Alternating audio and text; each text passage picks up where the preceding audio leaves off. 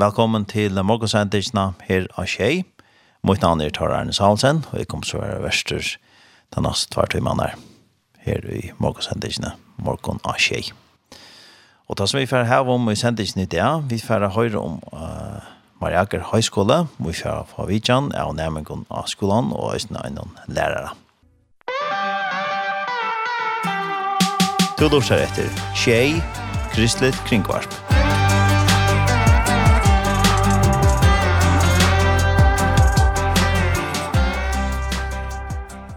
sier Janne at det var fra en skola som kom av i jokken nå i Udarsåne, så teier så kommer her i Udarsåne, og vi får prate med teier nå til neste løtene, og derfor så er jeg ikke fyrt av danskene.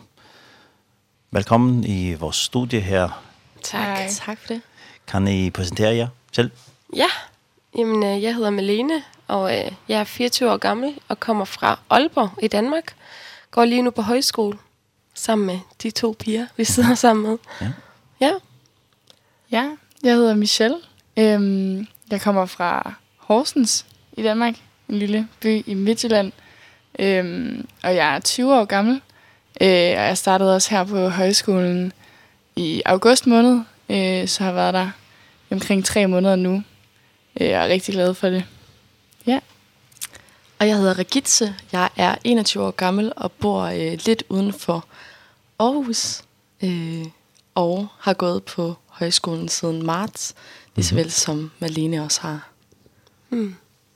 Ja, og så har Peter også i studiet, så han har måske skaffet lige sige også noget. Ja, jeg hedder Peter, og jeg er en af lærerne fra skolen, som er med på rejsen herop. Ja. Så hjertelig, hjertelig velkommen i vores studie. Tak. Mange tak. På 7 Radio. Og yes. uh, jeg tenkte om jeg måske fortelle litt uh, hvorfor jeg valgte å gå på den der høyskole. Og mm. hva, hva er det for en skole som jeg går på? Mm. Um, jamen, Maja Højskole er en bibelskole. Um, vi har en masse undervisning om teologi, om vores samfund, og uh, hvem Jesus er. Vi prøver at gå i dybden med skriften, og ja, vi lærer en hel masse om lovsang og Bibelen og alle de ting. Øhm, og så har vi fællesskab rigtig meget, og vi hygger os. Vi øh, deler livet sammen og beder til Gud og beder for vores fremtid og det, man lige står i. Øhm, for min del, så startede jeg på højskolen, fordi at, øh, jeg manglede simpelthen nogle kristne venner, og øh, jeg havde brug for et fællesskab, hvor der var et andet fokus. Et fokus på Gud og ikke alt muligt andet. Mm -hmm. øhm, så det var primært derfor. Og så også for at lære noget selv. Øhm, jeg har, øhm, ja, jeg synes bare, det er dejligt at lære noget, øh, når man nu har været kristen hele ens liv, og nogle gange kan man godt lægge lidt på ens viden. Så det har bare været dejligt at lære en masse teologi, og lære noget om lovsangsledelse. Og, mm -hmm. ja, ja, det har været skønt. Mm. Mm. Ja. Noget af det, der også er rigtig fedt ved højskolen, er, at, at de har så meget forskelligt at tilbyde. Øhm, altså, udover at de har øh, helt vildt god undervisning i teologi og, og lederskab og sådan noget, så har de, øh, ja, så har de spor, som for eksempel lovsang, hvis det er det, som, som er din brand. Øhm, jeg har selv valgt en linje, der hedder øh, sport og eventyr, for jeg elsker at være aktiv og øh, komme ud og lave noget. Øhm, Og så har vi også noget, der hedder psykologi og diakoni, hvis, øh, hvis det har interesse. Mm -hmm. øhm, så er det bare fedt, hvordan at der, sådan, der er ligesom noget for alle. Øhm, og så har vi det her mega fede undervisning, øhm, som man så også øh, kan tilvælge. Øhm, og jeg valgte at tage på, på Maja Højskole, fordi at, øh, jeg har lige gået tre år på gymnasiet øh, derhjemme i Horsens. Øhm, Og det har været tre gode år, men jeg kunne bare mærke, at jeg savnede at være i et fællesskab, hvor der var ja, nogle andre kristne mennesker, jeg kunne læne mig lidt op af, og man ligesom kunne, man kunne lige slappe lidt af, øh, fokusere lidt på sig selv øh, og på sit liv sammen med Gud, øh, som jeg synes har været lidt, lidt svært at gøre de tre år, jeg ligesom har været i et helt andet miljø med en masse mm. mennesker, som overhovedet ikke øh, kender Jesus og, og overhovedet ikke synes, det har relevans på nogen måde. Øhm, ja, så jeg var bare max klar på at komme op og være sammen med nogle, nogle andre mennesker, som ligesom brænder for det samme som mig. Øhm, mm. Og så tror jeg også bare det her med at, at komme til at kende min bibel bedre, øhm, og vide sådan lidt mere, hvad, hvad er det lige helt præcis, det er jeg, jeg går rundt og siger, jeg tror på. Øhm, og jeg kan huske, at jeg mødte mange spørgsmål, altså i min gymnasietid. Mm -hmm. øhm, omkring alle mulige ting, der, der står i Bibelen, som jeg simpelthen ikke kunne svare på, fordi at jeg bare... Jeg ved, at Gud han elsker mig, og jeg ved, at øh, jeg er skabt i hans billede, og han har skabt jorden og alle de her ting, men, sådan, men at der er jo så meget mere øh, og ligesom at vide. Øh, så det var også noget, jeg helt klart øh, ønskede ved at tage på højskole, ligesom at få et, et meget bedre indblik i, hvad der egentlig står i Bibelen, og hvad det egentlig betyder for os i dag. Mm. Øhm, ja komme lidt mer i dybden. Ja, lige præcis. Mm -hmm. Ja. Ja. Ja, Rikette? ja. Øhm, jeg valgte at starte på øh, højskolen for at udfordre mig selv teologisk. Øh, højskolen er en sådan pentekostal mm -hmm. højskole, og øh, jeg er opvokset i et kristen hjem, men er opvokset i indre mission. Og derfor så havde jeg lyst til at komme på en skole og få noget undervisning, hvor at lærerne sagde øh, noget, som var teologisk anderledes end det, jeg hørte min præst sige, og det, jeg hørte mine forældre sige. Mm -hmm. øh, fordi når jeg hører noget andet end det, jeg er opvokset med, så tvinger det mig til at, at øh, reflektere over, hvad jeg selv tror på og tage stilling til. Hvad jeg selv tror i forhold til øh, teologiske sådan, synspunkter, for eksempel i forhold til øh, voksendåb og barnedåb mm -hmm. og sådan noget. Øhm, og derfor valgte jeg at starte på, på Maja Højskole, mm hvor, at, øh, hvor jeg netop bliver udfordret igennem undervisningen, og jeg synes, det er enormt lærerigt øh, at høre noget, som jeg nogle gange ikke er uenig i, og nogle gange også oplever, egentlig jeg må erklære mig enig, selvom det ikke er det, jeg altid har hørt eller er opvokset med. Øh, og det er virkelig, virkelig spændende mm -hmm. at få nogle gode, øh, gode teologiske snakke, både med ens klassekammerater og venner, men også med lærerne. Jeg synes, lærerne er utrolig åbne over for at have en... Øh, en sund dialog omkring tro og de her forskellige holdninger, som, som vi har som kristne inden for de forskellige kirkeretninger. Øhm, ja, så det er jeg enormt glad for, og det er den primære grund til, at jeg valgte Maja højskole. Mm -hmm. Og la, hvad lavede du før? Inden jeg startede på Maja højskole, der øhm, arbejdede jeg som kommunal dagplejer. Ja, jeg har sabbatår øhm, efter gymnasiet, så jeg skulle finde noget mm -hmm. bruge tiden på, så jeg har bare passet en masse børn. Ja. ja. Det som du säger att uh, man ska man måste inte är enig i det som blir sagt uh, är det lov att göra det på på en sån en skola att vara oenig med med det som blir sagt. Ja, det synes jeg bestemt er. Ehm ja, jeg synes tit vi har nogle nogle gode snakke på klassen, hvor at øh, størstedelen af klassen så er enige, og så øh, kan min lærer for eksempel godt finde på at spørge sådan, Rigitte, du er lutheraner, hvad synes du om det her? Fordi så sidder jeg som en af de eneste lutheraner i klassen, og så får jeg så lov til at komme med min, øh, mit syn på mm -hmm. et eller andet skriftsted, eller mine, mine tanker omkring det. Øh, og så åbner der sig ligesom en, en god dialog omkring det, så jeg synes helt klart, at der er plads til, at man kan have forskellige øh, meninger og holdninger her på skolen. Mm -hmm. Så det er meget vigtigt for en sådan skole, at man har plads for, er der ja. man, det er en god dialog. Ja, bestemt. Mm -hmm. Det tænker jeg generelt er vigtigt for en skole, at der er plads til at have forskellige holdninger, og at øh, man også jeg føler, man, man må sige, hvad man mener, sådan, så, det ikke, sådan, så det ikke bliver forbudt at tro noget. Mm -hmm. eller, ja. Og bruger I meget tid på det, at der har diskussioner om, om de forskellige emner? Ja, det gør vi. Mm -hmm. Vi har tit uh, diskussioner på klassen, hvor um, vi har sådan en ting, hvor vi bruger the corners i klasserummet. Så er, det sådan, så er der fire forskellige meninger, og så skal man stille sig derop, hvor man synes øh, svaret er. Og så snakker vi om det, om et bestemt emne. Det kan være alt muligt. Øh, noget fra Bibelen, eller noget fra samfundet, eller... Ja, og så diskuterer vi. Og folk er meget respektfulde omkring det, hvad der bliver sagt. Så det er dejligt. Man bliver hørt. Ja. Mm. Og er det godt for jer at uh, kunne opleve det, for eksempel at kunne diskutere sådan forskellige ting? Ja, bestemt det der med, at man øh, lige pludselig skal argumentere for sin egen holdning. Ja. Hvorfor, man, hvorfor er det sådan, som du tror, at det ja, er? Ja, lige præcis. Sådan... Så bliver man tvunget til at tage stilling og, øh, og ligesom finde de der argumenter. Lige pludselig går det måske fra at være, det tror jeg på, fordi mine forældre har troet på det, til det tror jeg på, på grund af de her argumenter, fordi det er min egen mm -hmm.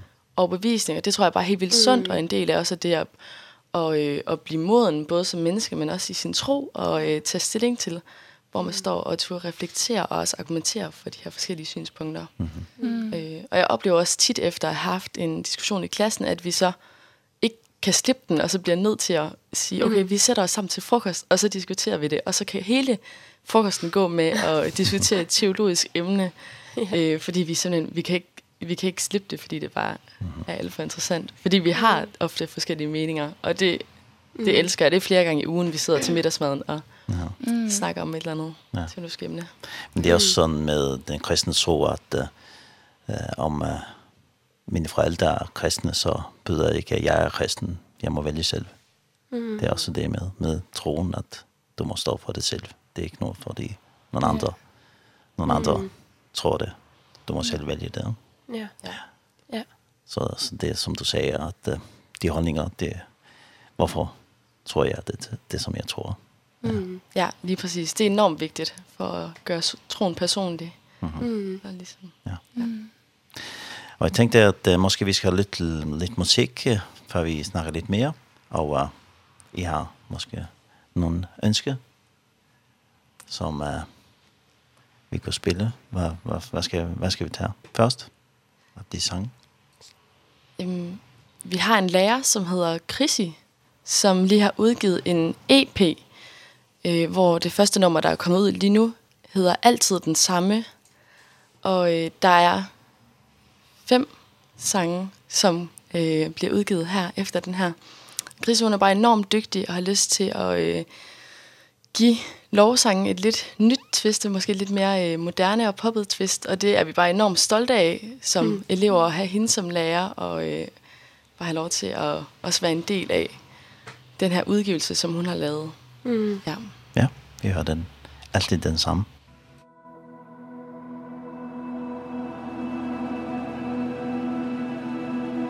På mine trætte dage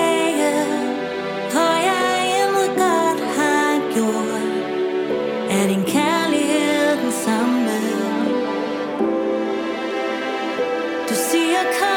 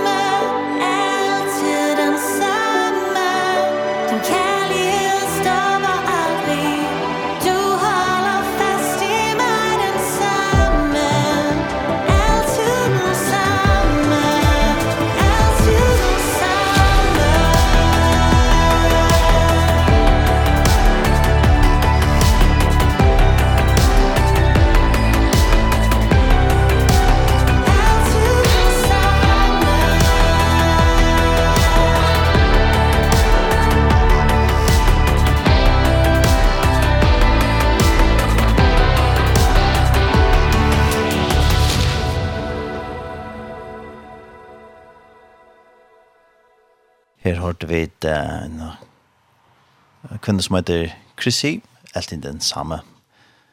Og vi tar vidjan her i Jodorsjone, og til er Malene og Michelle og Peter og Reitze, som vidtjer fra Mariager Høyskole.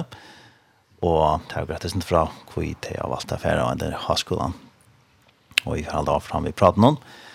Eh, det som vi, vi snakket litt før, sangen, det var om, uh, I diskuterede meget uh, på skolen om forskellige ting, og er det for, også forskellige baggrunder, uh, som de kommer fra, de som kommer, eller går på skolen? Ja, øhm, vi har både forskellige baggrunde i Danmark, øh, forskellige kirkebaggrunde. Vi har folk fra Oasekirken og Folkekirken, IM, øh, Pinsekirke, Apostolskirke, ja, you, you name it. Øhm, og så har vi 25% internationale, også på skolen. Øhm, nogle af dem kommer fra Slovakiet, fra øhm, også deres, øh, jeg ved ikke, hvad det hedder, Lutheran kirker måske. Mm. Øh, de har også nogle meget andre synspunkter på nogle ting. Øhm, ja, og det er meget spændende at diskutere med dem også. Mm -hmm. øhm, de kommer fra noget andet. Og det gør nogle af os også. Så det er dejligt, at vi er lidt forskellige, at ikke alle bare kommer fra en pinsekirke, men at øh, vi har ting, vi kan diskutere og snakke om og finde vores egne holdninger. Så man behøver ikke at komme fra en, fra en bestemt kirke for at komme på skole? Nej, bestemt ikke. Nej. Men øh, alle er velkomne. Ja. ja. Mm. Men for at komme og komme på, komme, uh, gå på den her højskole, skal man være en kristen? Øh, nej, det tror jeg ikke.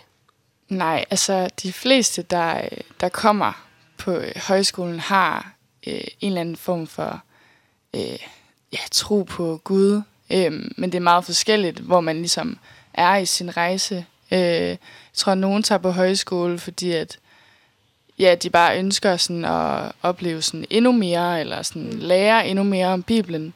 Øh, og andre kommer måske med, med sådan en, ja, stadigvæk lidt sådan en tvivl omkring, sådan, er det her egentlig noget, jeg, jeg tror på, øh, og hvad betyder det egentlig altså, helt præcist for mig. Mm. Øh, så det er meget forskelligt, sådan, hvor man er i sin rejse. Ehm mm. Og det er der også bare helt vildt meget plads til. Øh, altså, der er ikke en eller anden bestemt... Øh, du skal ikke være et bestemt sted i din tro for, for at gå på højskole. Øh, der er virkelig plads mm. til, ja, til at tro lige præcis, som, som du gør. Mhm. Mm. Ja. Mm. Og um, nu sagde du, at uh, uh, du begyndte i skolen i marts måned. Ja. ja. Og uh, hvorfor begyndte du det den gang og de andre i august? Eller er det forskelligt, når man, hvor man begynder på skolen? Mm. Øhm, altså oprindeligt skulle jeg have været startet i januar. Mm -hmm. øhm, men på grund af corona var der lockdown, så derfor så kørte vi undervisning på øh, Zoom online. Og så åbnede Danmark op i midten af marts, og der fik vi så lov til at starte. Så det er mm. faktisk bare derfor, at det var sådan lidt et skørt ja. tidspunkt, vi startede på. Mm. Er det så forskellige tider på, på året, at uh, skolen begynder? Eller? Øhm, de fleste starter i august, lige efter sommerstart. Men øhm, man kan starte efter sådan, de fire store ferier, så det vil sige sommerferie, efterårsferie, juleferie og påskeferie. Mm -hmm. Ja, så det der folk starter, men største delen starter om sommeren. Mm. Ja. Og begynder man så, er der forskellige linjer, man kan vælge så? Eller? Ja. ja. Øh, når du er førsteårselev, så kan du vælge imellem øh, to linjer. Det er vores teologilinje, og så noget, som hedder den almene linje, som er en øh, blanding af discipleskab og mere sådan kulturelle, historiske og samfundsmæssige, samfundsmæssige emner, mm -hmm. øh, som de tager undervisning i. Så der vælger du imellem de to. Og når du så øh, bliver andenårselev, så kan du starte på vores lederskabslinje. Og øh, hvis du så gennemfører, eller når du så har gået der i to år, så har du muligheden for at tage et tredje år og så læse en bachelor. Øh, de fleste læser i teologi. Ja. Mm -hmm.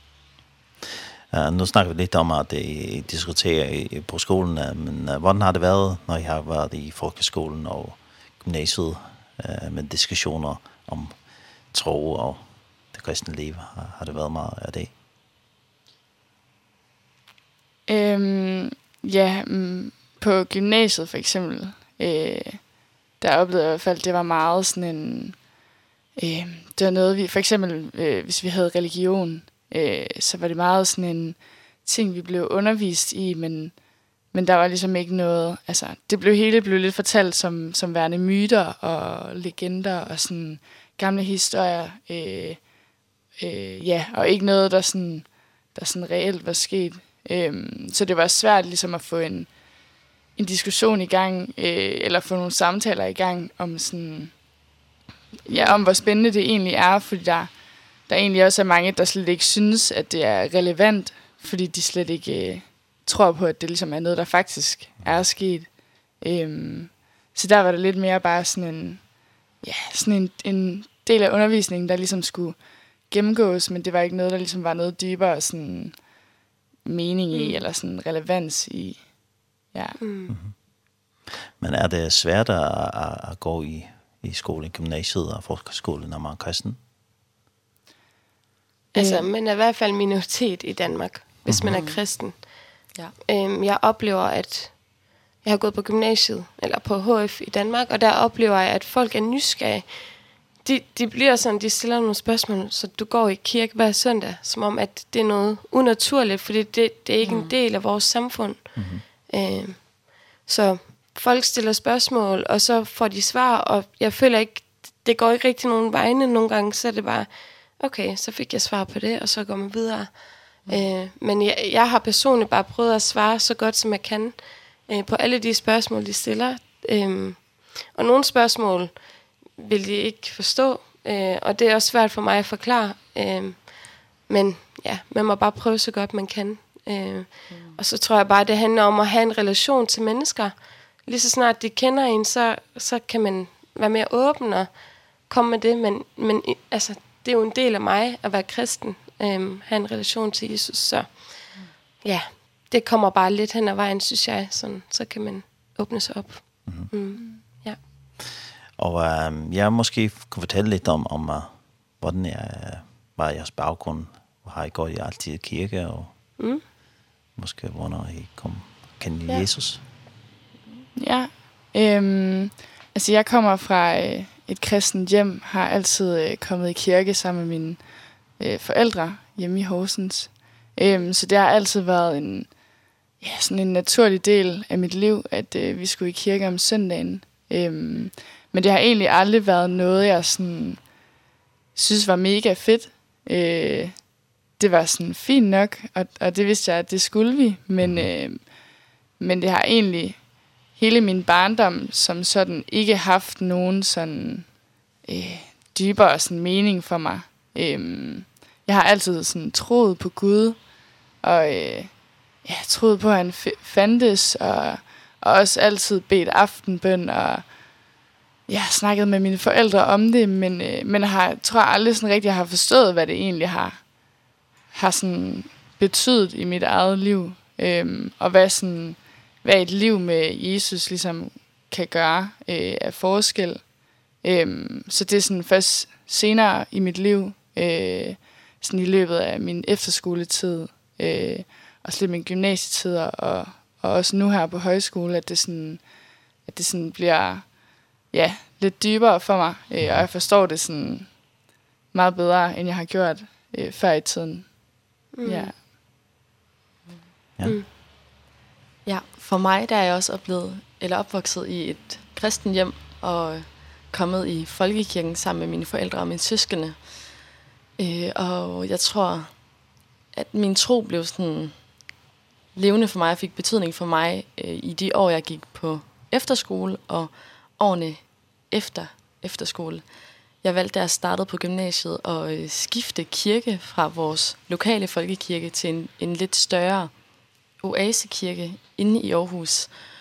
Og det var øh, meget givetigt for mig at starte der og øh, have fællesskab med andre unge på min alder og være i en menighed, hvor, at, øh, hvor der var plads til mig, og hvor der også var andre unge. Og det har været meget skældsættende i min, min trosliv at komme i den kirke og i det fællesskab, der var der. Mm. Og du sier at du, du gick på en efterskole, Var, varför det in? Varför, varför det? Var det? Ja, jeg har gået to år på øh, en kristen efterskole, som hedder Rødhøj Efterskole, som ligger lidt uden for Aarhus. Det er Dansk Oasis Efterskole. Og der gik jeg øh, i en discipleskabs 10. klasse, hvor at i stedet for at have øh, almene fag, sådan ligesom dansk og matematik, mm -hmm. så havde vi øh, undervisning i Bibelen og forskellige teologiske emner, og så havde vi også sådan et bredere øh, undervisning, hvor vi havde et fag, der hed X, hvor vi så skulle ud og hjælpe nogen og øh, samle penge ind, og så i slutningen af året rejste man så til Sydafrika ned til øh, et slumkvarter, der hedder Sweetwaters, mm -hmm. hvor man så hjalp der og ligesom brugt både sin tid og øh, sin penge og de ressourcer, man havde der. Mm. Ja. Og det var alt før corona? Det var alt sammen før corona, heldigvis. Ja. Måske nu er det ikke, vil, det, vil det ikke være så nemt at gøre det, som vi gjorde Nej. dengang. Nej, det er rigtigt. Nej. Det vil det ikke. Og har det været stor betydning for dig, den her efterskole? Ja, meget stor betydning. Øh, her oplevede jeg at få nogle kristne venner, som øh, den dag i dag her, fem år efter, stadig er nogle af mine allerbedste venner. Øh, har specielt en venindegruppe, hvor vi ja, siden vi var 16, har mødtes og delt liv og øh, bedt for hinanden, og det er stadig nogle af de samme ting, som vi snakker om og beder over, og vi kender hinandens familier, vi kender hinandens øh, udfordringer, og, øh, og har bare et trygt fællesskab der, og det har været helt vildt vigtigt for mig, da jeg så startede på gymnasiet, hvor der ikke var så mange kristne, og så have mine efterskolevenner, som jeg kunne søge, når jeg så kom hjem fra gymnasiet og øh, ligesom have fællesskab mm. med dem, også om troen der. Mm. Har det betydning at uh, have kristne venner? Ja, det synes jeg bestemt, det har. Mm. Jeg tror også, det er helt vildt vigtigt at have ikke-kristne venner. Øhm, men for mig har det været, har det været skilsættende at have nogle, nogle kristne venner, som jeg har kunne øh, læne mig op ad. Og når jeg ikke selv måske havde vildt meget motivation til at møde op i kirken søndag, så vidste jeg, de var der, og derfor havde jeg så lyst til at komme. Og, øhm, også hvis man står i nogle problemer, er det helt vildt rart at kunne skrive. Øhm, jeg går igennem den og den her udfordring, har I lyst til at bede? Og så ved man, at man har en gruppe i ryggen, som beder for en eller ens familie den kommende tid. Og det er utrolig betydningsfuldt for mig. Ja. Ja, hvad siger I? Har det betydning for jer? Jeg tror også bare, det er helt vildt vigtigt, øh, altså, at man som kristne ja, sådan venner øh, kan sådan være med til at opmuntre hinanden øh, og sådan dele ud af, hvad man egentlig oplever med Gud. Øh, for jeg tror da selv, jeg kan nogle gange måske føle, at øh, åh, jeg oplever ikke så meget, eller øh, hvor er Gud lige i mit liv, øh, og sådan, hvad, hvad skal der lige, sådan, hvad, Hvad forskel gør det lige, at jeg har Gud med, øh, når andre kan leve et helt fint liv uden at, at have Gud med? Øh, men det der med, at man, sådan, man kan dele med hinanden, hvad, der ligesom, hvad man oplever.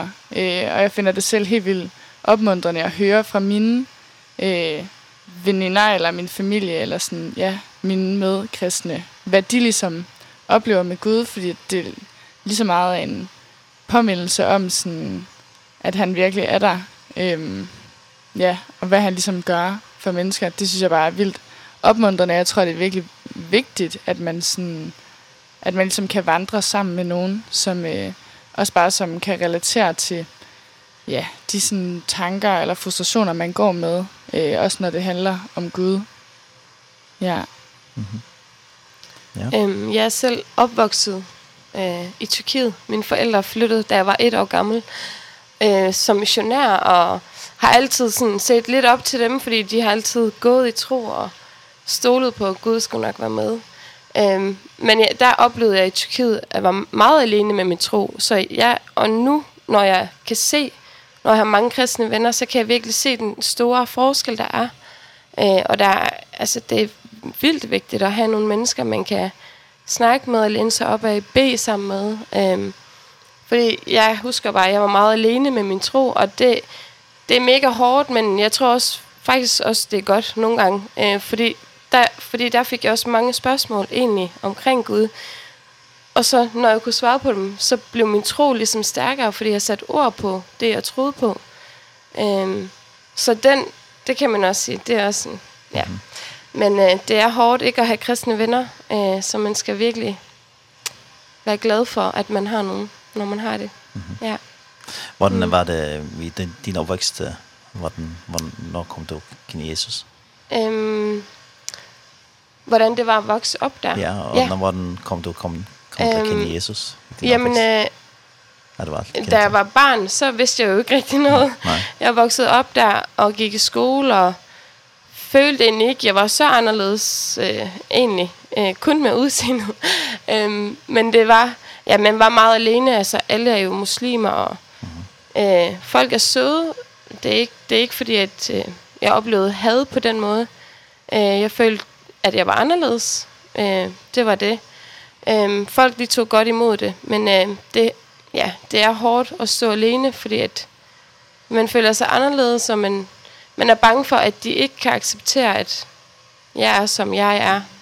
Øh, men jeg gik i mange forskellige kirker, både baptistkirker og pinsekirker. Vores præst, han var amerikaner. Mm -hmm. øhm, og oplevet nogle rigtig vilde ting også. Øh, mine forældre har været meget stået spidsen for mange ting, og holdt lovsangsaftener, og folk fra gaden er kommet ind, og vi har bedt for folk, bedt for syge, og set mirakler, og sådan. Det er vildt fedt, og det har også været med til at styrke min tro, øh, og se det her helt fra barns ben af, at man ligesom har oplevet Gud, at han er virkelig, at der sker ting, mm. når hans nærvær er der.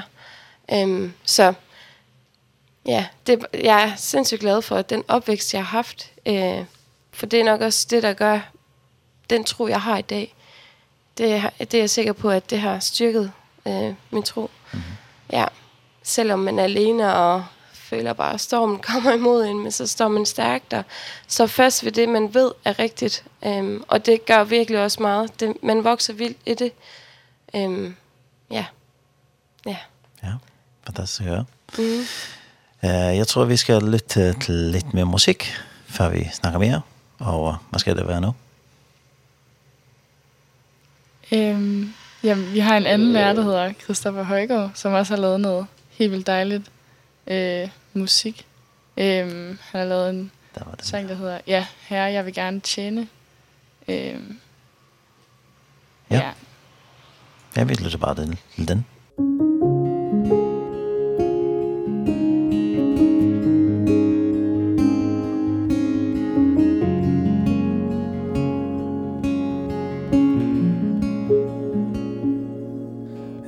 jeg vil gerne tjene Tjene dig og dig alene Til at bruge mig som du vil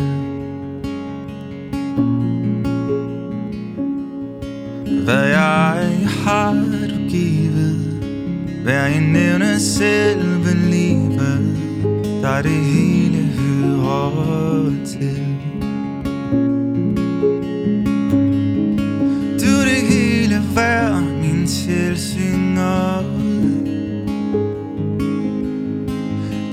noget til at tjene dig Gud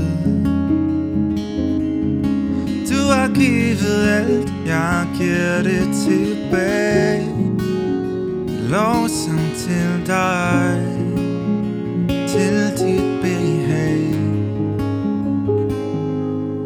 Lad mig frelse og ved din nåde Også når jeg selv vil råde Og vil gå med mig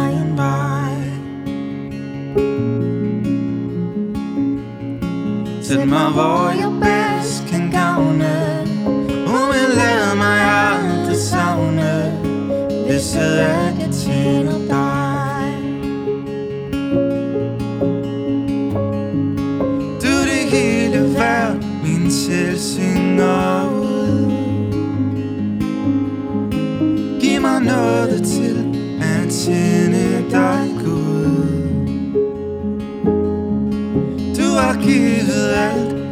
get it back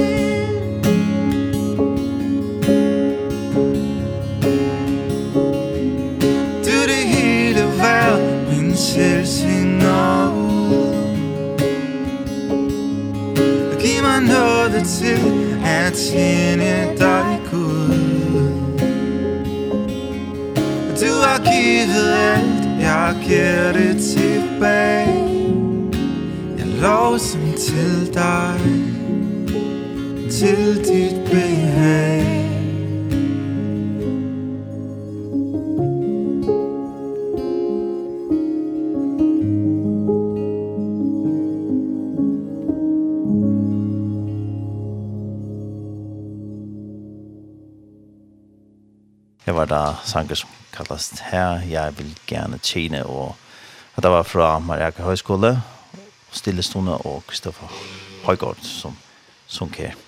Og vi tar vidtjan her i Jodorsone, og det er Malene, Michelle, og Peter og Regitze som vi her fra Mariaka Høyskole. Og det var to som vi mist fra Tarløyve, og om at vi er snø avskolan som det gikk av og det er ikke så i følge nivå i nere det. Eh, hva er jeg kommet til færgene? Vi kom i torsdags. Ja? Mm. Om aften klokken 8. Der var helt mørkt, vi var trætte, at vi ikke kunne se det flotte landskab. ja. Ja, og hvor længe bliver I? Vi flyver også torsdag. Torsdag, Så syv så, dage. Syv, syv dage. Mm. Hvordan er det? Uh, har I været der før? Nej, det er første Nej. gang. Øhm, og det er Det er meget specielt. Øhm, altså, ja, naturen er helt anderledes jo. Øh, meget sådan storslået øh, og vildt. Øh, noget, vi slet ikke ser derhjemme i Danmark øh, overhovedet. Øh, så det er helt vildt fascinerende at komme herop og, øh, ja, og bare være omgivet af kæmpe bjerge og og der er får over det hele, og, og forne, de ligner slet ikke dem hjemme i Danmark. Øhm, ja, men øh, det er ja, helt vildt fascinerende. Mega pænt øh, og flot. Og det er mere for, end, end der er mennesker, hvor der er så. ja. det er vel lidt vildt. Ja. Og um, øh, hvordan er det? Har I så været og, at besøge nogle steder her på Færøerne, eller? Yes, vi har været på sightseeing med mm -hmm. bus. Vi har været i Saxon og Tjørnevik Kjøtnevik, ja? Kjøtnevik. Mhm. Torshavn. Ja, ja, lidt forskelligt. Vi har været oppe i fjellene, og vi har været nede ved vandet, og ja, lidt forskelligt. Vi har været på en øh, forfarm, ja, og hørt om, hvordan øh, I har det her, hvordan man passer forne, og hvordan et helt år fungerer. Det var meget spændende også at høre om, faktisk. Mm. Og uh, hvad laver I så her på færden? har jeg gjort, mens jeg har været her? Jamen, indtil videre har det bare været øh, desværre været, eller det har været meget sightseeing. Vi havde håbet på, at vi skulle være med til nogle flere ungdomsgudstjenester og sådan noget. Øh, men på grund af corona har der været en del ændringer i vores program. Men vi har været øh, over i City Church i Torshavn og har været sammen med de unge der og fik lov til at være med til deres gudstjeneste i søndags. Og så i aften skal vi over i øh, Emmanuel Church, også i Torshavn, og lave en ungdomsgudstjeneste der. Og så i morgen skal vi over på en efterskole, en kristen efterskole, mm -hmm. hvor vi også skal lave sådan en lovsangsaften for dem. Så det glæder vi os meget til. Er det i Skarlavik? Ja, det tror jeg. Den anden ø skal I sejle. Ja, vi skal ja. sejle. Ja. Så det skal væk, ja. ja. Den, den nye, ja. ja. Mm. Det bliver spændende. Ja. ja. Ja, utrolig spændende. Ja. Så det er vi glade for, at det er en mulighed. Men det var lidt uheldigt for jer, at uh, corona er så meget på færgerne, at uh, det ikke var så meget, mange ungdomsmøder, som, som det plejer. Så. Mm. Men, uh, men I, I får det bedste ud af det, som I ja. kan. Det skal I nok. Ja. ja. Mm. Ja, og... Uh, Ja, nu har vi snakket meget om, om det skole, og, og, og hej, den her, nu har I gået i nogle måneder i skolen. Har det været godt for jer at gå på skolen? Har det udfordret jer at gå på sådan en højskole? Mm. Helt sikkert, ja. Øh, jeg har kun gode ting at sige. Ja. Øh. Jeg har vokset helt vildt øh, med min tro og min tjeneste. Øh, jeg har altid været lidt bange for, jeg, jeg har altid godt elsket musik og lovsang, men har været øh, lidt bange for det, og gøre det, og sådan træde ud i, på scenen, og bare gøre det, agtigt. Øhm, og det har jeg, det er jeg blevet virkelig udfordret på, af mine øh, lovsangspræster, eller undervisere, øh, og mine venner, som også er lovsangsledere på skolen. Øh, vi har en masse lovsanger, og øh, vi lærer hinanden at ja, vi presser hinanden ud forsigtigt, øh, og sørger for, at vi alle sammen lærer noget, og vi alle sammen bliver udfordret på den helt gode måde. Så jeg har lært rigtig meget, og virkelig fået nogle sejre hjem øh, mm -hmm. igennem det. Øh, bare ved, at vi er der for hinanden, og vi har nogle lærere, der støtter os. Øh, ja, så det er bare skønt. Jeg har i hvert fald personligt vokset meget i det, og lært også rigtig meget, og lært nogle dejlige mennesker at kende, som ja, jeg kan snakke med, og jeg kan dele mit liv med, og de kan dele liv med mig, og vi har det bare skønt. Mm. og hvor længe har du så gået på skolen? No? Jeg har ligesom Regitze øh, gået der i 5-6 måneder. Vi startede ja. i marts, mm. der efter lockdown. Mm. Ja. ja. Og Michelle, hvad siger du? Hvor øhm, har det været godt for dig? Ja, det har det helt sikkert. Øhm, jeg tror, jeg startede på skolen lidt med sådan en idé om, at øh, jeg skulle bare øh, lære noget mere om Bibelen, øh, få noget god undervisning, øh, blive lidt klogere på Guds ord. Øh, men jeg oplever bare, hvordan sådan, at det at gå på skolen, det er, sådan, det, det er blevet meget mere sådan personligt for mig. Øh, og, øh, og de formår virkelig at tage fat i nogle, i nogle ting, øh, og sådan udfordrer mig meget mere end bare lige i undervisningen. Øh, samtidig så er det også bare et sted, hvor at man har rigtig gode muligheder for at ligesom prøve nogle ting af, øh, og tage noget ansvar, øh, man måske ikke er vant til. Øh, fordi at, at det er også bare et miljø, hvor der er plads til også at, at fejle og være meget sådan uperfekt, som man er. Ehm og det synes jeg, ja, det synes jeg er mega fedt, at man ligesom kan prøve nogle ting af, og man også bliver skubbet lidt ud i noget, øh, som man måske synes er lidt grænseoverskridende. Øh, men at man bare sådan, ja, oplever, at det er et meget sådan bærende øh, fællesskab, og, sådan, og, og det er helt fair, at man, ja, at man, man prøver noget af, øh, og man fejler lidt, men, øh, men folk, de, sådan, ja, de bakker en op. Øh, ja, så jeg oplever helt sikkert, hvordan det sådan udfordrer mig meget personligt. Øh, og det er godt for mig ligesom at blive sat i nogle situationer nogle gange, som jeg ikke har prøvet før, og som jeg måske ja, som måske er meget sådan uden for min komfortzone. Øhm, men, øh, men ja, det er rigtig, rigtig dejligt.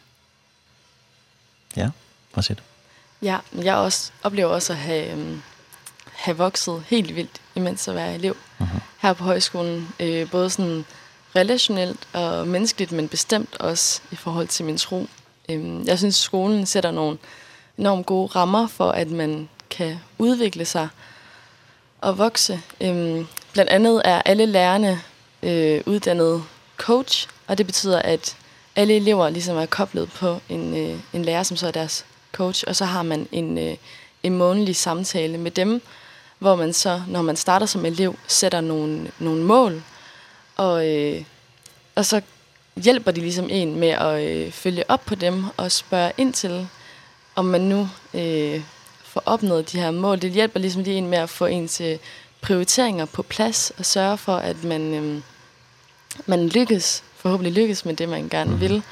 Øh, og så er der også bare plads til, at når man så kæmper med et eller andet, eller udfordret er at ja, et eller andet, hvad end det nu kan være, så er der ligesom også en voksen, som man ligesom er lidt særlig sådan, øhm, ikke tæt på, men hvor man alligevel ved, at, at der er opbygget en relation med tillid og og sådan, hvor man så kan, kan komme og dele fortroligt der.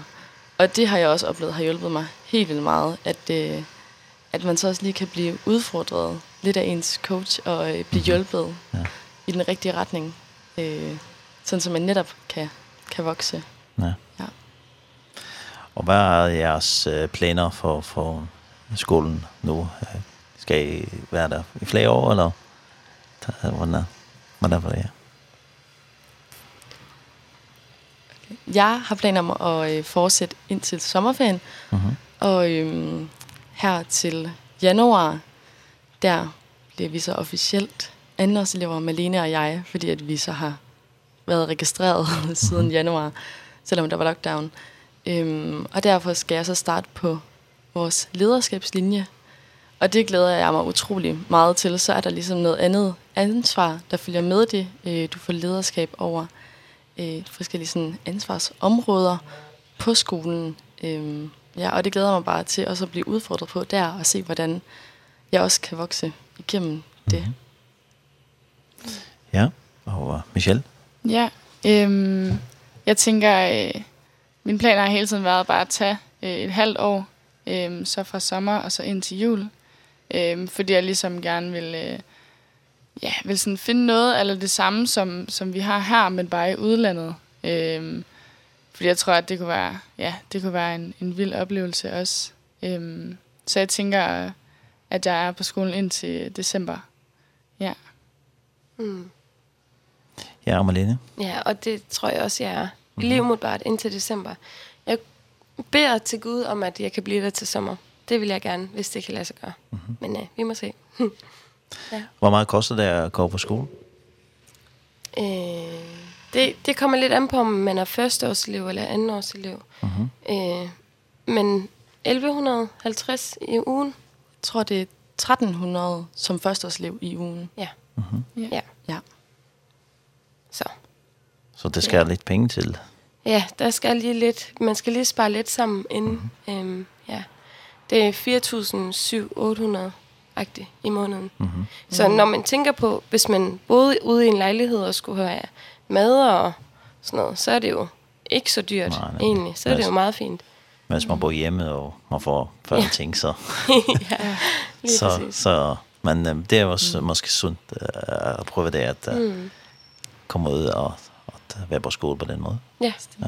ja helt sikkert. Der er også øh, mulighed for sådan økonomisk støtte. Der er nogen, der har oprettet en supportklub, som ønsker at, øh, at støtte økonomisk til elever, som gerne vil gå på skolen. Og det er særligt sådan, internationale elever og, øh, og elever, som ikke har nogen ungdomsuddannelse, øh, og elever, som ligesom læser en bachelor, øh, som kan få den her støtte. Så hvis du har lyst til at gå på skolen, men ikke er i en økonomisk situation, hvor det er muligt, så er der en mulighed for at, øh, at søge den her supportklub, og så kan du måske få et, et øh, lille sådan, lige tilskud mm -hmm. til det økonomiske. Ja. ja, og det er en stor hjælp for mange, specielt for vores øh, internationale elever. Og øh, nu ved jeg ikke, om, om I har boet hjemme hele tiden, indtil I kom på skolen, men at komme på sådan en skole og være ikke hjemme og øh, gøre alting, men nu skal man tænke på, på alting på en sådan skole. Hvordan er det? du ret du sagde, at du var i efterskole. For dig var det måske, du har på det før, var den er at være hjemmefra og till. alting til. Ja, altså... Øh... Det er også udfordrende for, for nogen. Jamen, jeg synes, altså, der er nogle gode, trygge rammer på højskolen, så jeg føler ikke sådan, at jeg øh, er flyttet hjemmefra, flyttet hjemmefra, eller sådan... Mm Ja, nej, der er jo nogle søde køkkendamer, som laver mad til os og sådan noget. Så det eneste, vi skal, det er ligesom bare at sørge for at stå op om morgenen og vaske vores tøj og gøre rent og sådan noget. Det føler jeg, det er meget overkommeligt. Mm -hmm. Ja, så det er, meget, det er en meget tryg måde at lige komme hjem fra, fra mor og far på. Mm -hmm. Ja. Mm. Jeg har arbejdet på en efterskole øh, to og et halvt år, inden, eller ja, to og et halvt år, lige inden jeg kom på højskolen. Uh -huh. Så jeg er vant til ikke at bo hjemme, men at bo på et sted, hvor der er rigtig mange mennesker ja. hele tiden. Øhm, og det trives jeg egentlig meget godt i. Øhm, jeg synes også, det, jeg er 24, så det er dejligt ikke at være hjemme hos mor ja. og far. Uh -huh. Det er bare skønt, så man bare sammen med sine venner. Og uh -huh. det er en helt anden måde at leve på. Ja. Ja. ja. Michelle? Ja, jamen, jeg har også øh, gået på efterskole tidligere. Øhm, så har prøvet det før, det der med at skulle bo øh, ude og på en skole med, med mange andre mennesker. Øhm, og var faktisk meget overrasket, da jeg startede på højskolen, over hvor meget det minder om efterskole. Øhm, men ja, jeg synes bare, det er helt vildt dejligt. Og, øhm, og hvis man tænker på, hvor meget man egentlig får for pengene, så er det jo egentlig rigtig godt givet ud, at, at, at der er folk, der laver med til en. Øhm, og der er bare styr på mange ting. Det eneste, du skal sørge for, at det er dig selv, og at dit værelse, det ikke er alt for beskidt, og at, dit, at du får vasket dit tøj. Øhm, ja, så øhm, det er dejligt. Også dejligt ikke at, ikke at skulle bo hjemme hos mor og far, øhm, men at få lov at stå lidt, lidt på egne ben. Mm -hmm. Ja. Nå, men det er sundt. Ja, mm -hmm. det tror jeg. Men hvad, hvad, for, hvad, for, hvad var det for en sko efterskole, som du har gået på? Jamen, jeg har gået på øhm, øh, en efterskole, øh, som også ligger i Maja, lige ved siden af højskolen faktisk. Øhm, ja, som, øh, ja, som jeg også var rigtig glad for. Øhm, der var også bare vildt øh, godt fællesskab. Øhm, og den er også kristen. Hvad hedder øhm, den? Hvad siger du? Hvad hedder den? Den hedder bare øh, Maja Efterskole. Åh oh, ja. Ja, øhm, ja, og den er også kristen. Øhm, Så der, det fik jeg også bare helt vildt meget ud af, at de havde nogle, nogle møder en gang om ugen, og jeg var i kirke om søndagen og sådan nogle ting. Øhm, og rigtig mange gode kristne lærere også til at skabe en rigtig god og tryg hverdag. Øhm, så har jeg også gået på øh, en efterskole i Hillerød, som hedder Alterna, øh, som er sådan en, øh, ja, sådan en rejse efterskole, hvor vi... Øh, vi havde sådan lidt alternativ undervisning, så det var ikke ja, dansk og matematik, men det var øh, det var også bibelundervisning og øh, lederskab og så havde vi sådan noget drama også, øh, fordi at at en del af vores øh, efterskoleophold netop var, at vi skulle ud på en, øh, en udlandsrejse på 6 uger. Ehm så jeg var med mit rejsehold i Asien. Ehm så var vi ude og, og missionere og fortælle folk om om Gud, mm -hmm. øh, og lave nogle dramastykker, øh, ja, og holde nogle møder og bede for nogle folk. Det var, det var helt vildt øh, givende, øh, virkelig fantastisk, øh, og mega spændende at få lov at også komme til nogle steder, hvor det slet ikke er lovligt at være kristen, øh, og få lov ligesom, til at opleve, hvad de lever under, øh, og sådan, ja, hvor meget der faktisk er på spil for dem, øh, og hvor udsatte de er, øh, bare fordi at, at, ja, at de gerne vil tro på Gud, mm. hvor at vi går bare herhjemme og tager det måske lidt som en selvfølge, at, at, at vi har kirke, og vi har fællesskab øh, sammen. Øhm, så det var helt vildt, ja. vildt at opleve. Ja. Og det var også før corona. ja, det var det nemlig. Ja. Men uh, det her med corona, har det påvirket jer meget uh, som unge mennesker?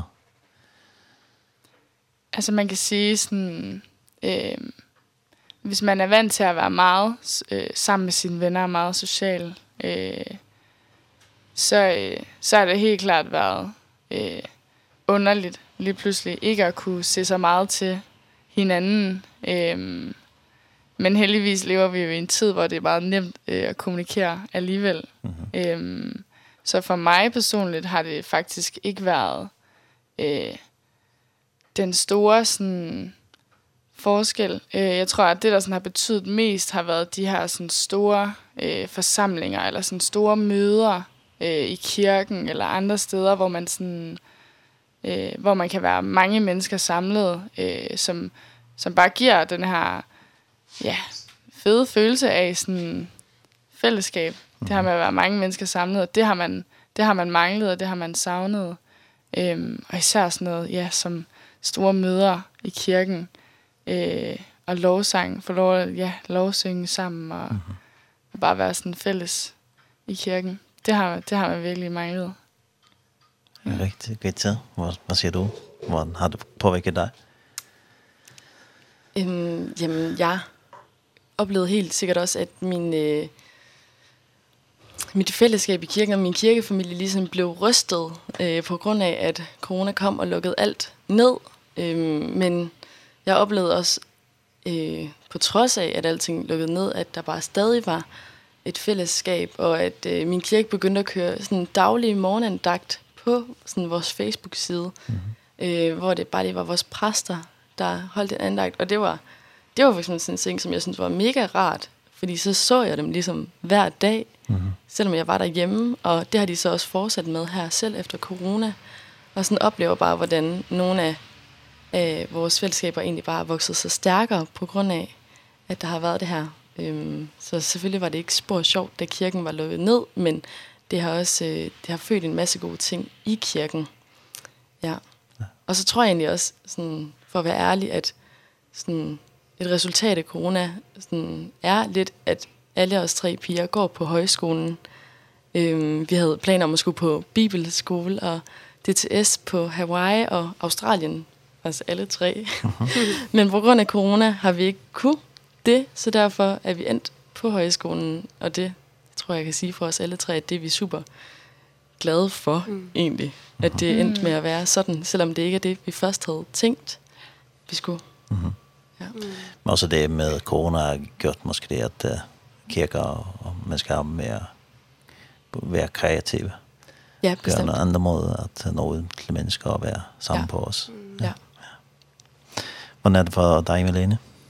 Jamen, øh, da vi havde de lange perioder med lockdown, uh -huh. øh, det synes jeg var rimelig hårdt egentlig. Øh, jeg tror ikke, vi er meant to be alone, eller sådan, det, Ja, men lige da det var nyt og sådan, det var jo bare svært at se mennesker. Og jeg er selv meget social, så jeg synes ikke, det var rart. Og jeg savnede kirken, og jeg savnede...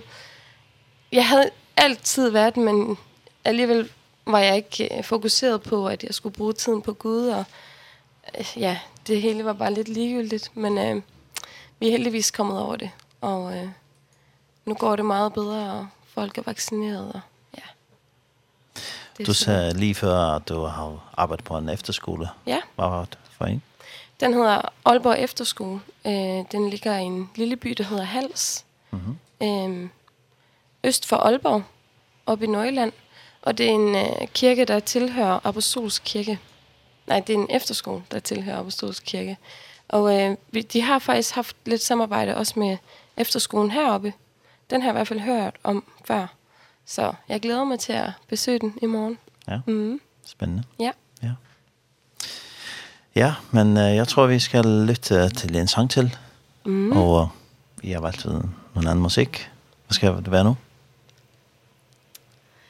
Jamen, øh, vi har en, øh, en dansk lovsanger, som hedder Simon Pedersen, som vi er, øh, vi er meget stolte over. Han har lavet en sang, som hedder Frygt ikke, sammen med øh, vores lærer Peter. Han har en datter, som hedder Emily. Mm Og den, øh, den synes vi, at vi skal lytte til. Ja, det gør vi.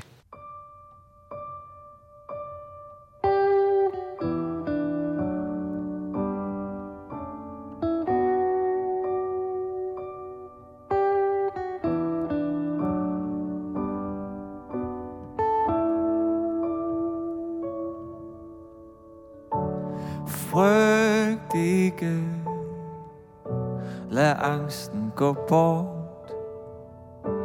Og stol på mig Selv når livet er hårdt. Jeg beskytter Jeg er din. Passer på dig Du er jo min. Frygt ikke For dagen i morgen. Du kan regne med gaver fra oven. Jeg forsørger Bare se Har du mig først, der vil det ske?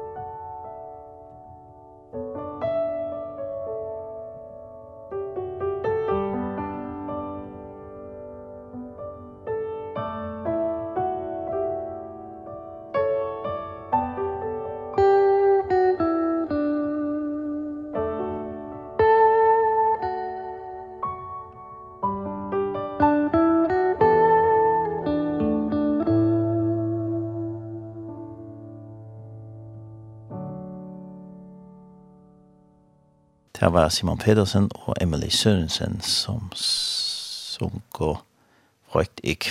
Og vi tar vi kjenn her fra Mariager Høyskole. Og her er vi tar tre kvinner her. Det er Malene Michel og Reritze som er vi kjer ut av sånne. Og grattesen fram om at vi er andre høyskolen og i minst fra Taraløyf. Eh, vi nu en vilje ikke om det er ellers noe jeg vil si noe til sist øh, før vi slutter. Øh, nu har I været her i nogle dage her på færgerne og, og skal rejse igen på, på torsdag.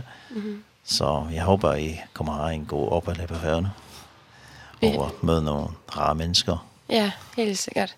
Vi har haft det øh, vildt dejligt. Øh, både set øh, alt, hvad I har at byde på naturmæssigt, og vi har mødt nogle skønne mennesker, også i kirken, og de unge, de har bare taget mega godt imod os. Øh, det er bare skønt. Og I har nogle, øh, noget dejligt slik. vi har prøvet lidt bingo cooler og det er dejligt. Mm. Og det er ikke regnet. Ja? Det er ikke regnet med at sige vejr. Det er regnet meget. ja. Vejret har ikke været ikke så godt, man siger vejret, men, men det går. Mm. Ja. Vi er vant til det. ja. Det er også den her årstid. Ja. Man kommer ind til vinteren, så, mm -hmm. så kan vejret være lidt barsk på færgerne. Mm -hmm. Ja. Ja, jeg synes generelt, det har bare været utrolig rart at være her og være turist her på færgen. Jeg synes virkelig, folk øh, har taget godt imod en, både sådan i, øh, i kirkerne, hvor vi har været, men også bare generelt sådan, den færøske befolkning. Sådan, jeg synes, folk er utrolig høflige i supermarkederne, når man er ude at handle ind, eller altså i Danmark holder man ikke nødvendigvis for et fodgængerfelt. Her holder alle for et fodgængerfelt, eller i går havde vi en sindssygt sød buschauffør, og sådan, øhm, ja, jeg synes bare virkelig, folk er meget sådan imødekommende og gæstfrie, og øh, sådan helt utroligt dygtige til at snakke dansk, og meget søde til at tale dansk til os, og sådan, man føler sig bare virkelig velkommen her, og det er vi bare utroligt taknemmelige for. Så er det anderledes at være på ferien, end at være i Danmark? Ja, det synes jeg, det er. Ja. Mm. Ja. Men uh, jeg har lige snakket med Peter. Ja, Peter. Ja. Velkommen til vores radio. Ja, tak. Uh, du, og du er lærer, lærer på skolen, højskolen. Ja. Øh, jeg, jeg har undervist på skolen i de sidste fire år, fire og et halvt år. Ja. Øh, Hvorfor har du valgt at være lærer på den øh, højskole? Øh, jeg har sagt ja til højskolejobbet, fordi øh, ja, for det første, fordi jeg oplevede, at det var sådan en dør, Gud åbnede. Jeg blev spurgt, om jeg kunne tænke mig at undervise. Jeg har været øh, præst i øh, to forskellige kirker før, og jeg har også været lærer på øh, to efterskoler. Jeg har været efterskolepræst. Øh, og så blev jeg spurgt, om jeg ville komme på højskolen og undervise. Øh, og det synes jeg øh, lød som en fantastisk udfordring øh, og en fantastisk gave at få lov til at vandre med unge mennesker i de her meget, meget vigtige år, hvor de danner deres, øh, deres tro og også arbejder med, hvem, hvem de selv er og hvad de skal bruge deres liv til. Øh, så det synes jeg er, ja, det er et utroligt privilegie at få lov til at, at, at være en lille, en lille brik i, i det puslespil der. Og hvad, hvad er du så lærer i? Hvad, Ja, men underviser du i? Ja, vi er jo en en en række lærere som som deler alle de forskellige teologiske fag mellem os. Øh så jeg underviser en del forskellige bibelfag, øh noget Gamle Testamente, kulturhistorie og sådan nogle ting.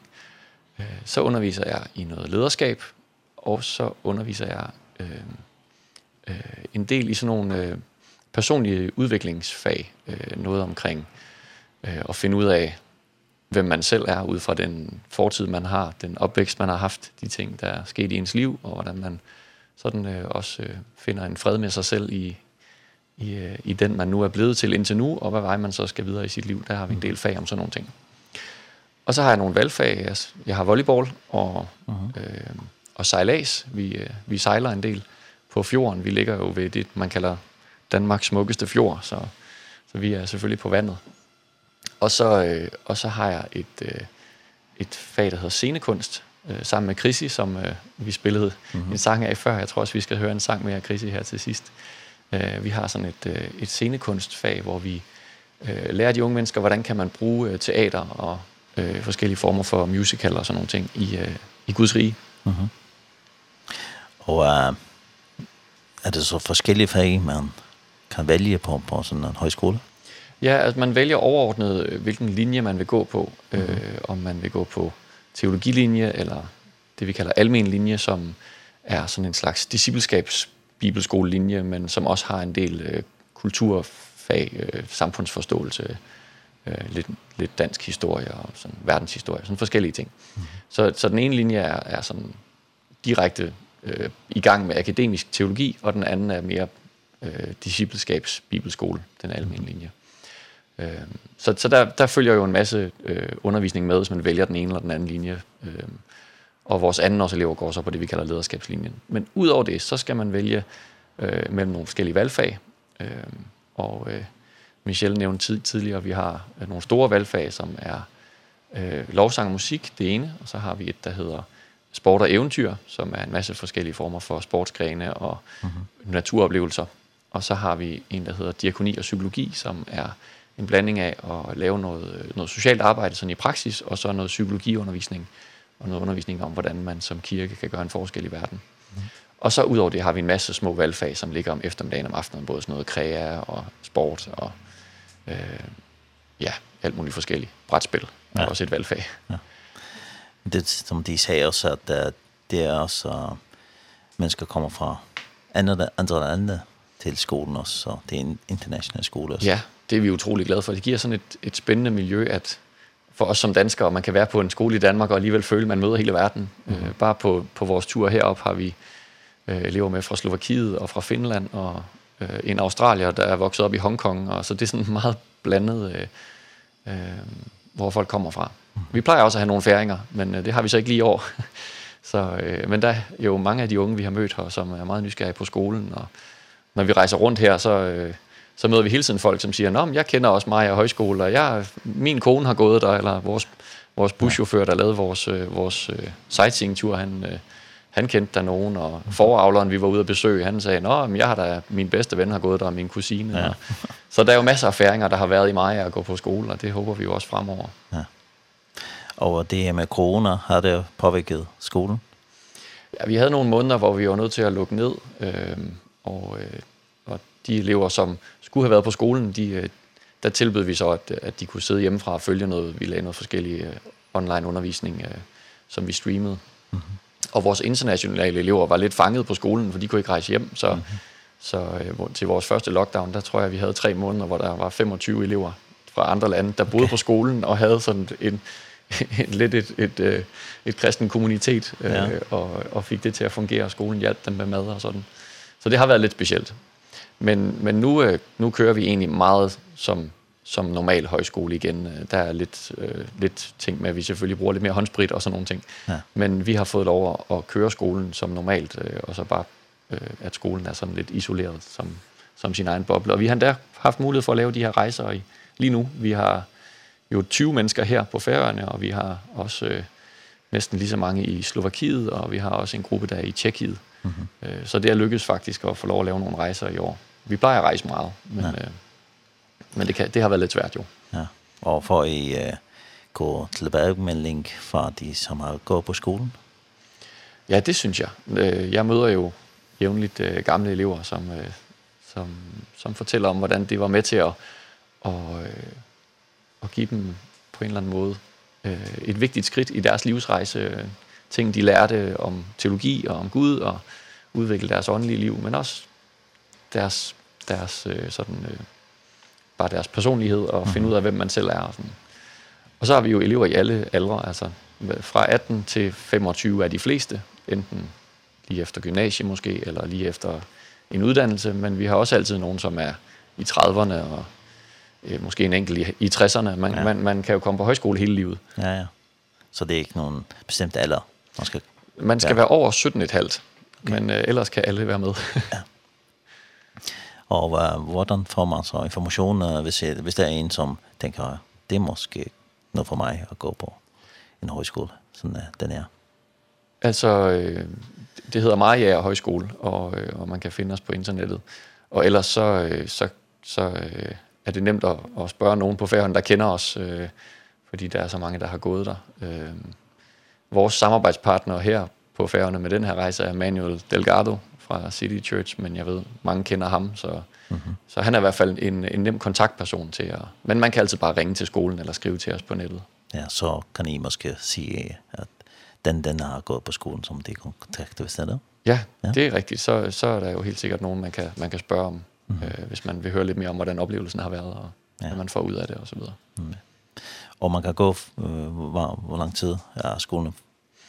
Det, det er hvad skal man sige, man kan jo i princippet bare komme øh, i den periode, man har mulighed for det. Hvis man har tre måneder, og, mm. og har, øh, så, kan, så kan man altid ligesom købe en periode og bare ja. være med. Mm-hmm. Men, men det er lavet sådan, at der er et skoleår fra august til juni, sådan et, et almindeligt skoleår, og så kan man tage et andet år.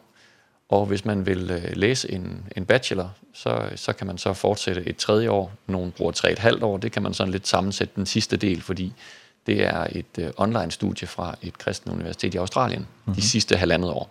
Øh, og, øh, og det er en, en gyldig bachelor, som man så kan læse videre med på universitet øh, alle steder i verden. Øh, så, så afhængig af, om man vil have et halvt år på bibelskole, eller om man vil have en fuld bachelor i teologi, eller øh, det, de kalder social science, der er lidt forskelligt, der er også noget psykologi og, og, og sådan forskellige ting, så, så kan man ligesom være her øh, i forskellige tidsperioder. Mm -hmm. Og hvad er formålet med at have en sådan en højskole? Kristen, efter, øh, en, kristen en kristen højskole? højskole. Jamen formålet... Øh, Pinsekirkerne startede skolen i 1955, fordi man så øh, den her mulighed i i den danske højskolemodel, som jo er er unik i verden, øh, at øh, at den skoleform, hvor det ikke er bare uddannelse til et bestemt job, Mm -hmm. Men det her uddannelse til livet, det, det, det er jo så vigtigt, at man får den tid til at finde ud af, hvem man er. Og øh, i Danmark er der jo meget forskning i, at højskoler for eksempel øh, betyder, at der er mindre chance for at droppe ud af sin uddannelse, hvis man har været på højskole først. Mm -hmm. Fordi det simpelthen hjælper en til at finde ud af, hvem man er. Og oprindeligt er højskole jo også tænkt som en teologisk skole. Det var Grundtvig, der opfandt højskole, og han ville også have, at de unge mennesker skulle lære om troen og livet med Jesus.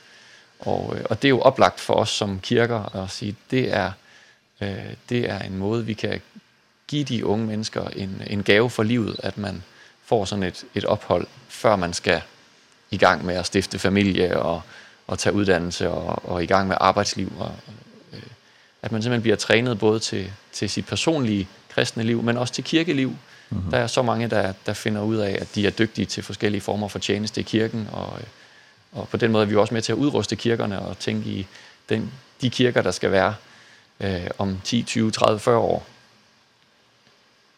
Så når en højskole, det er sådan, at man har ikke det almindelige fag, matematik og, og engelsk og dansk og sådan noget. Nej, nej. nej. Det, er, det er alt det andet, man alt også har brug for at lære ja, i livet. Ja, alt det andet, som er meget vigtigt i det her livet. Ja. ja.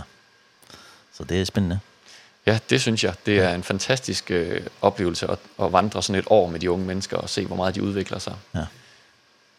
Og hvis man øh, vil kontakte jer, også som man siger her på færgerne, så, så kan man også ringe til, til skolen og så få kontakt til jer, måske? Ja, ja. Det, det kan man bare øh, Mariager Højskole øh, på, på nettet, så, øh, så kan man ringe der og Øh, vi har også øh, en øh, Instagram, øh, som hele tiden ja. bliver opdateret med billeder fra vores rejse her. Ja. øh, Hvad hedder den? Det, den hedder også bare Maja Højskole. Ja. Ja. Og så, og så... Det er faktisk uh, Regitze, som, som sidder her ved siden af, og, ja. og Malene, som, uh, som går og tager billeder og små videoer, mens vi er her, som, dejligt. som bliver lagt på Instagram hele tiden. Så kan man følge lidt med i, hvad vi laver. Ja. Eller så er det også på Facebook og, og på hjemmesiden. Ja. Og få information. Ja. Ja, ellers uh, noe annet som du har på hjertet, Peter? Jamen, jeg... Før vi slutter? Jeg har lyst til at sige uh, tusind tak til, til alle de mennesker, vi har mødt her for den oplevelse, det har været. uh, jeg synes jo, vi har, vi har dejlige kirker i Danmark, men jeg oplever, at uh, Guds rige har en lidt anden kultur her, som jeg virkelig uh, er meget glad for at opleve. uh, det er meget tydeligt, at, at det her er meget fællesskabsbordet øh, når vi snakker med de unge her, så ja, men vi ringer bare lige til nogen, og øh, alle er vant til, at man, at, at man er meget sammen, man, man lever livet sammen, mm. det er tydeligt. Hvor i Danmark er vi måske lidt mere sådan, øh, tingene er båret af, af kalender, at øh, vi har en aftale om, vi har ungdomsmøde på torsdag, ja. og det er der, vi mødes. Men her er det lidt mere som om, jamen, vi finder bare ud af, hvornår vi mødes. Ja. Og, og alle vores kontakter, når vi sådan prøver at lægge program, de, de siger hele tiden, jamen det skal vi nok finde ud af. Alt kan lykkes. Vi ringer bare til nogen. Der er nogen, der kan hjælpe. Jeg kender en, der kan hjælpe med det der, når vi har praktiske problemer. Og det er meget sådan organisk og levende Guds fællesskab. Det er virkelig skønt at opleve. Ehm vores fantastiske buschauffør der der har givet os øh, både øh, sightseeingture og henter og bringer os til til lufthavnen øh, Regin tror jeg. Jeg kan ikke finde ud af at sige hans navn. Mm -hmm. Ja. Tora turist. Han øh, han, han fortalte os, at, øh, at de engelske soldater, de kaldte færøerne the land of maybe. Ja. Fordi man kan aldrig vide, hvornår ting sker, fordi det kan være, det regner, så kan man jo ikke male sit hus alligevel. Og, og det er som om, det ligger lidt i folkesjælen her, at øh, vi ser, hvad der sker, men vi løser det altid. Ja. Så altså, det er sådan, øh, for en dansker skal man lige vende sig til, at, at man skal ikke være utryg ved, at vi ikke helt ved, om det er en aftale.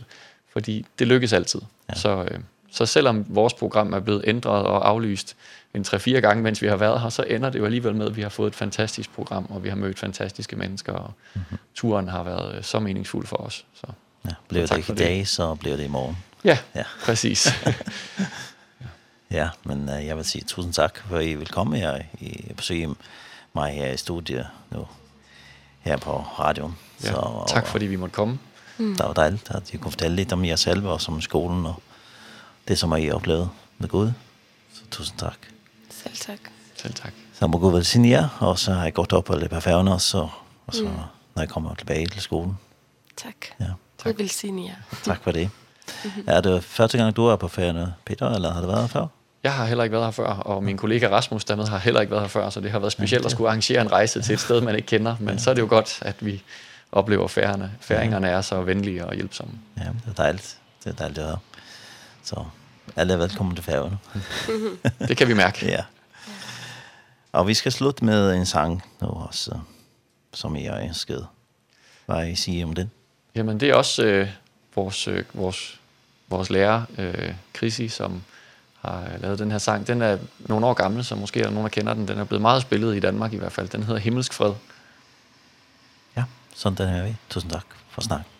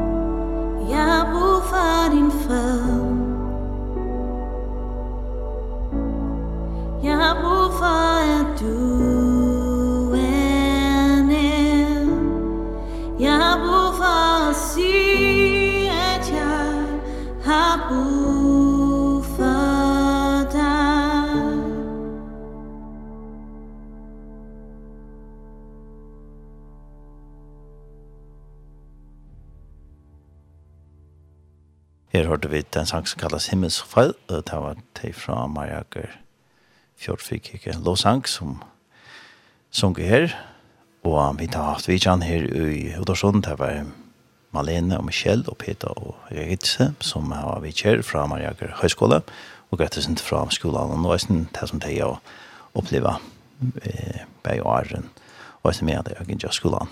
Så det er fantastisk kort, det er vittnesbord.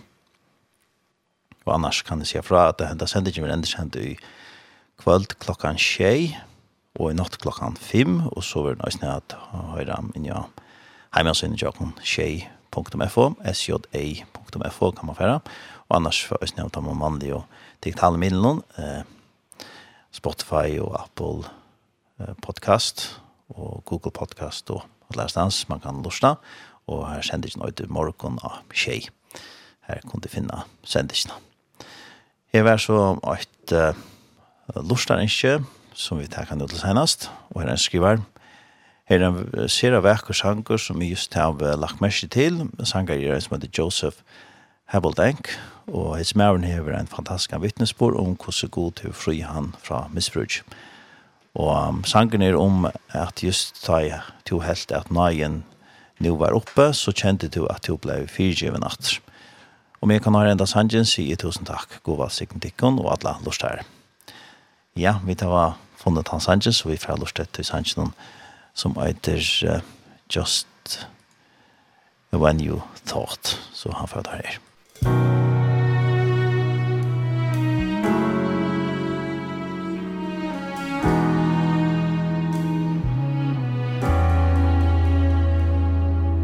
For every product used to their whole life away.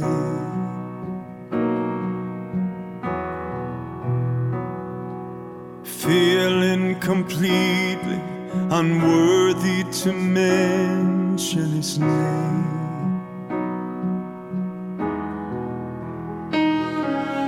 For every soul that's been shattered By choices you've made.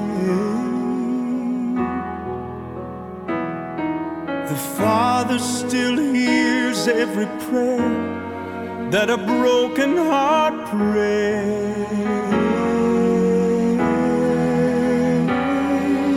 Just when you thought you could somehow outrun him You're chased down by mercy As he proves there's nothing that his blood can't cover And his arms can't reach to reach melody Oh just when you thought you exhausted his kindness his gentle compassion holds you out of hiding.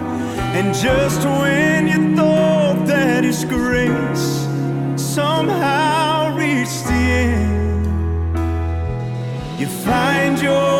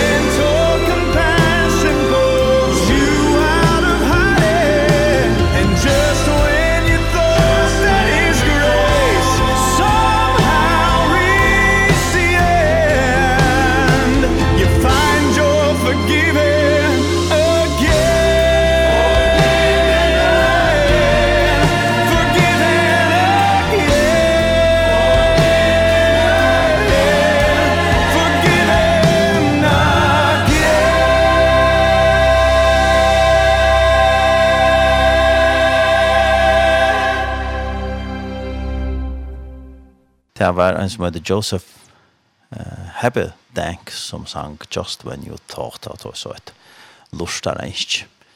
Så er vi kommet til en endan av sendingene og ideer, og vi har som sagt haft vidtjan her i Udorsjoner, det var Malene Svenningsen og Michelle Franau og Peter Senholt og Rigitze Sanden som uh, vi fra Mariager Høyskole og har grøtt fra Imes konfrontar av løyve, og jeg snøy om hvordan det er genga jeg snøy. Høyskolen har kunnet finne flere opplysninger av hjemme og synes som heter Maria Aker Høyskole, og jeg snøy Facebook, og så har jeg snøy en Instagram-profil her til Leif Imes studøysene. Jeg har kunnet gå rinja til deg og spyrja om høyskolen hvis det ikke vidar mer om skolen. Det er velkommen til. Og annars har vi det østene haft Vidjan og Daniel Adol Jakobsen første sendingene. Her vi tar seg sin drøm at uh, nå leger den 20. november.